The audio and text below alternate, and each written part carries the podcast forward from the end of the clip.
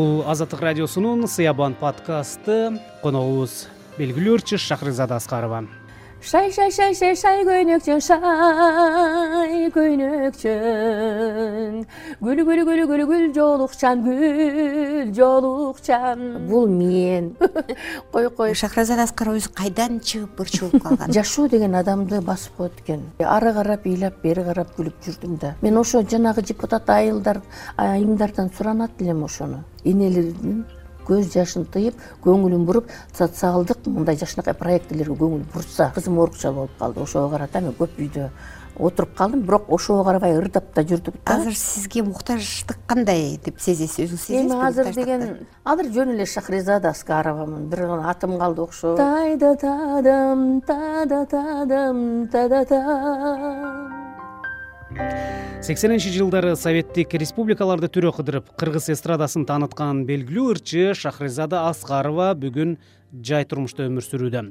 Кесиптешим бурулкан турдубек кызы эки миң он сегизинчи жылы аскарова менен баарлашкан. Ал ырчылык өнөрү сагындырган сахнасы жоготкон жылдары тагдыры жана бактысы тууралуу айтып берген эле. Биз аны подкаст платформада сизге сунуштайлы деп чечтик чогулгалы шахризада кош келдиңиз биздин студиябызга. Э, айта турган сөзүбүз көп болуш керек деп ойлоп атам. Э, шахразада аскарова өзү кайдан чыгып кайдан жүрүп ырчы болуп калган? Эми биздин заманда ырчылар мектеп жашынан эле ырчы болчу. Мисалы мен тогузунчу класста телевиденияга чыккам э, бандера роса деген куба эл ырын ырдап чыккам квнге катышып анан ошентип ошентип отуруп эле ушул сексен экинчи жылы биз филармонияга конкурс менен өтүп кеттим.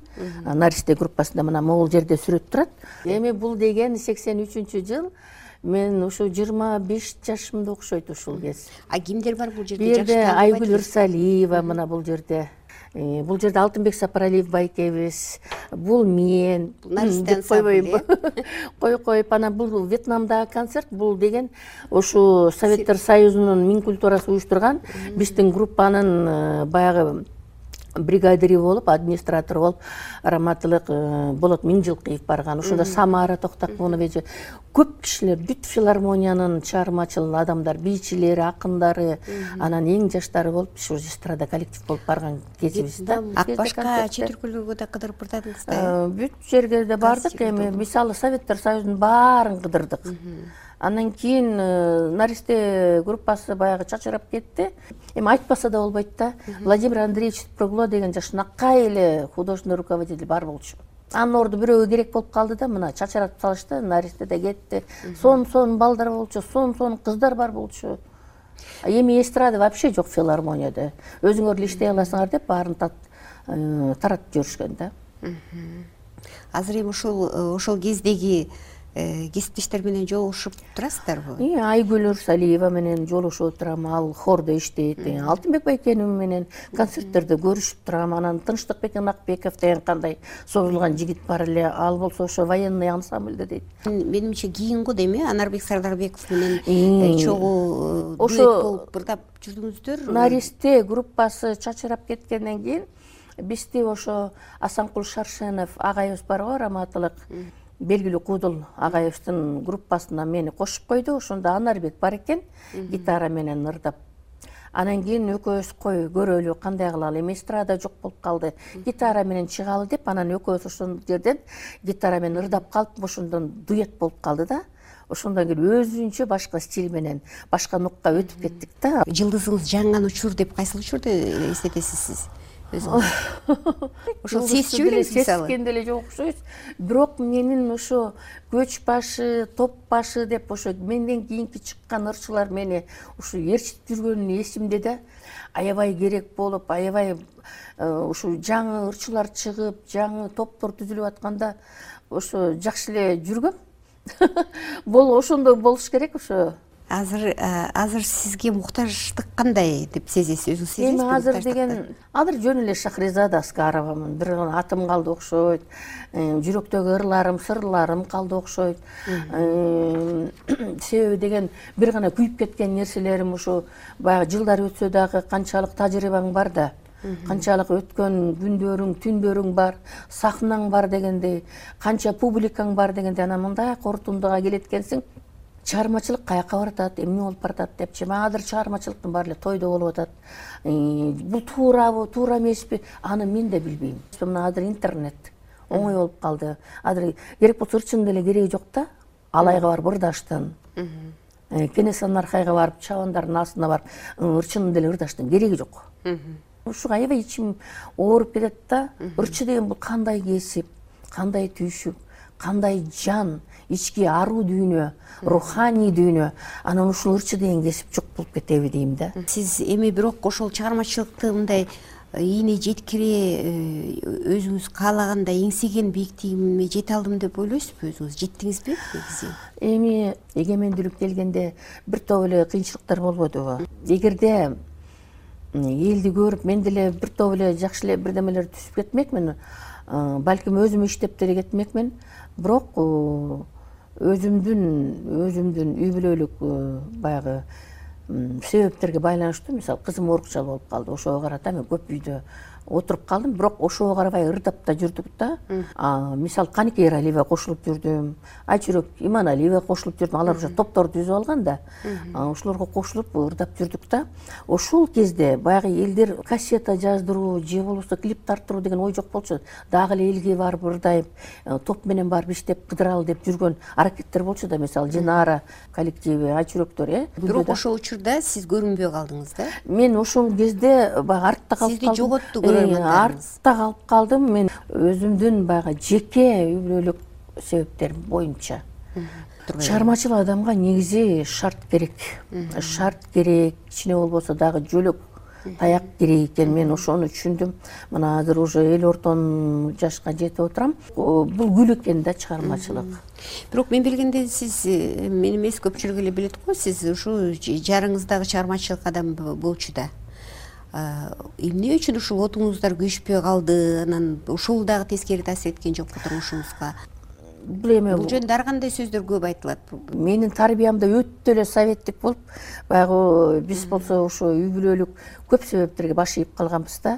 Ошон үчүн биздин өзүбүздүн жеке кызыкчылыгыбыз биринчи планга коюлбай калып анан ушул арадан эме болуп кетти да көп нерселер чыгып кетти. Өкүнбөйсүздөрбү мисалы азыр кандай эми балдардын атасы менен жолугушасызбы жок азыр жолугушпайм ишим деле жок. Эми анын өзүнүн үй бүлөсү бар. Мен болсо э, балдарымды тандап алдым оорукчал кызымды тандап алдым азыр болсо неберелерди тандап алдым. Э, байкасаңыз деги эле ушул чыгармачыл адамдарда э, айрыкча сахнада жүргөн сахнанын адамдарында көп учурда жакшы табышышат бирок аягы үй бүлөнү сактай албай калышат да ошол себеби эмнеде деп ойлойсуз сиз эми мындай да бул чыгармачылык бул да өзүнчө башкача бир айтып атпаймынбы жана мен сизге айтпадымбы бул гүл депчи бул муну бапис деп багыш керек. Өзүнчө муну түшүнүш керек. Э, чыгармачылыктын өзүнүн закондору бар. Ошон үчүн баягы анча мынча э, э, үй бүлөлүк көйгөйлөр чечилбей калып ушинтип аягы ушундай болуп калатат да анан бирок кээ бир семьялар бар үй бүлөлөр жакшы эле ушу бири бирин түшүнүп мисалы кандай чыгармачыл адамдар бар жакшынакай э мисалы мен каникей атайбек байкенин ушунчалык көп аралашып калдым да. Көп жыл соседте болуп жашадым кошуна болуп анан көп да чыгармачылыкта аралашып жүрдүм. Ушу аябай өзүм мындай бир туугандарымдай сезем да. Ушундай өздөрү мындай түшүнүшүшөт да чыгармачылык. Бул дагы баягы адамдын бактысына да жараша.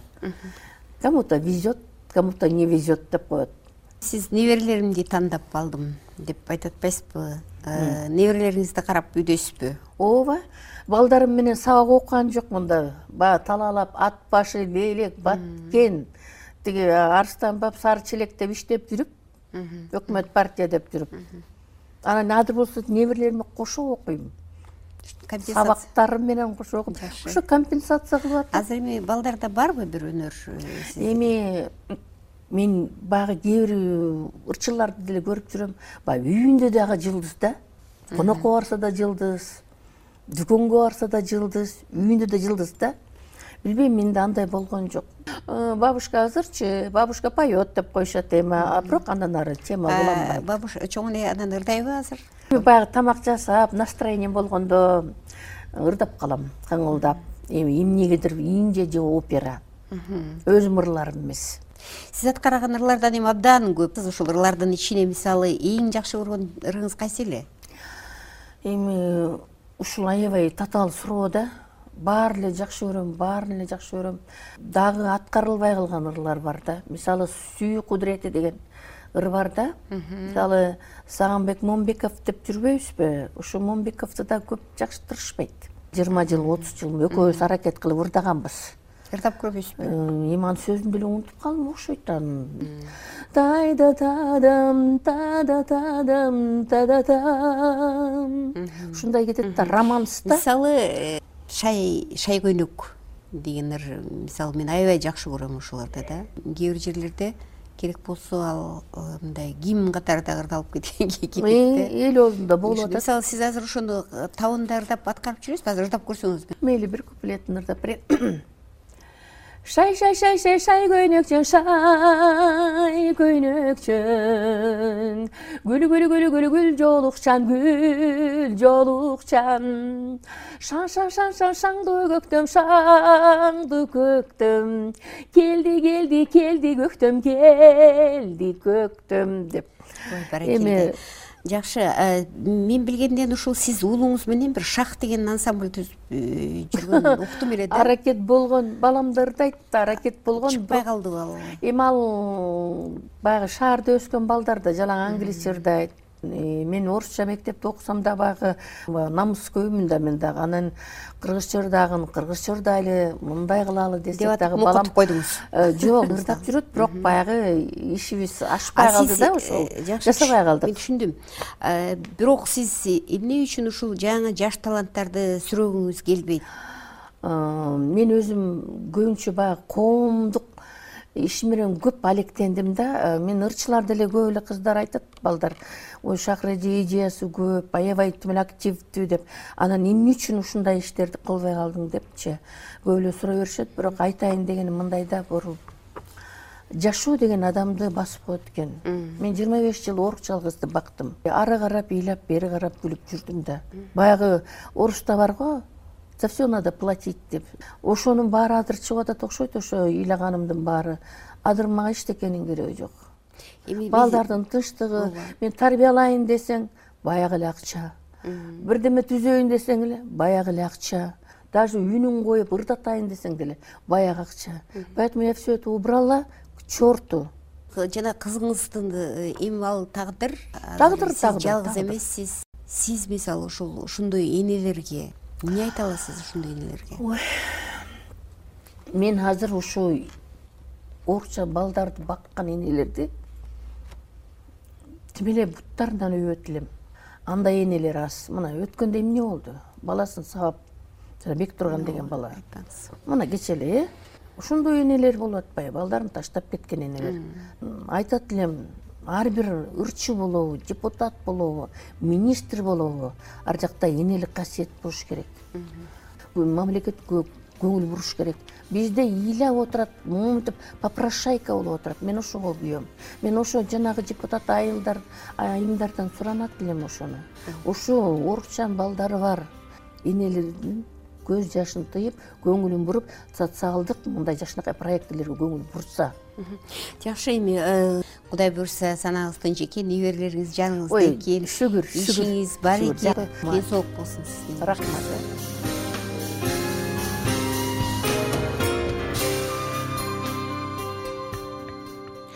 Азаттык радиосунун сыябан подкастын уктуңуз. Анын коногу белгилүү ырчы шахризада аскарова болду.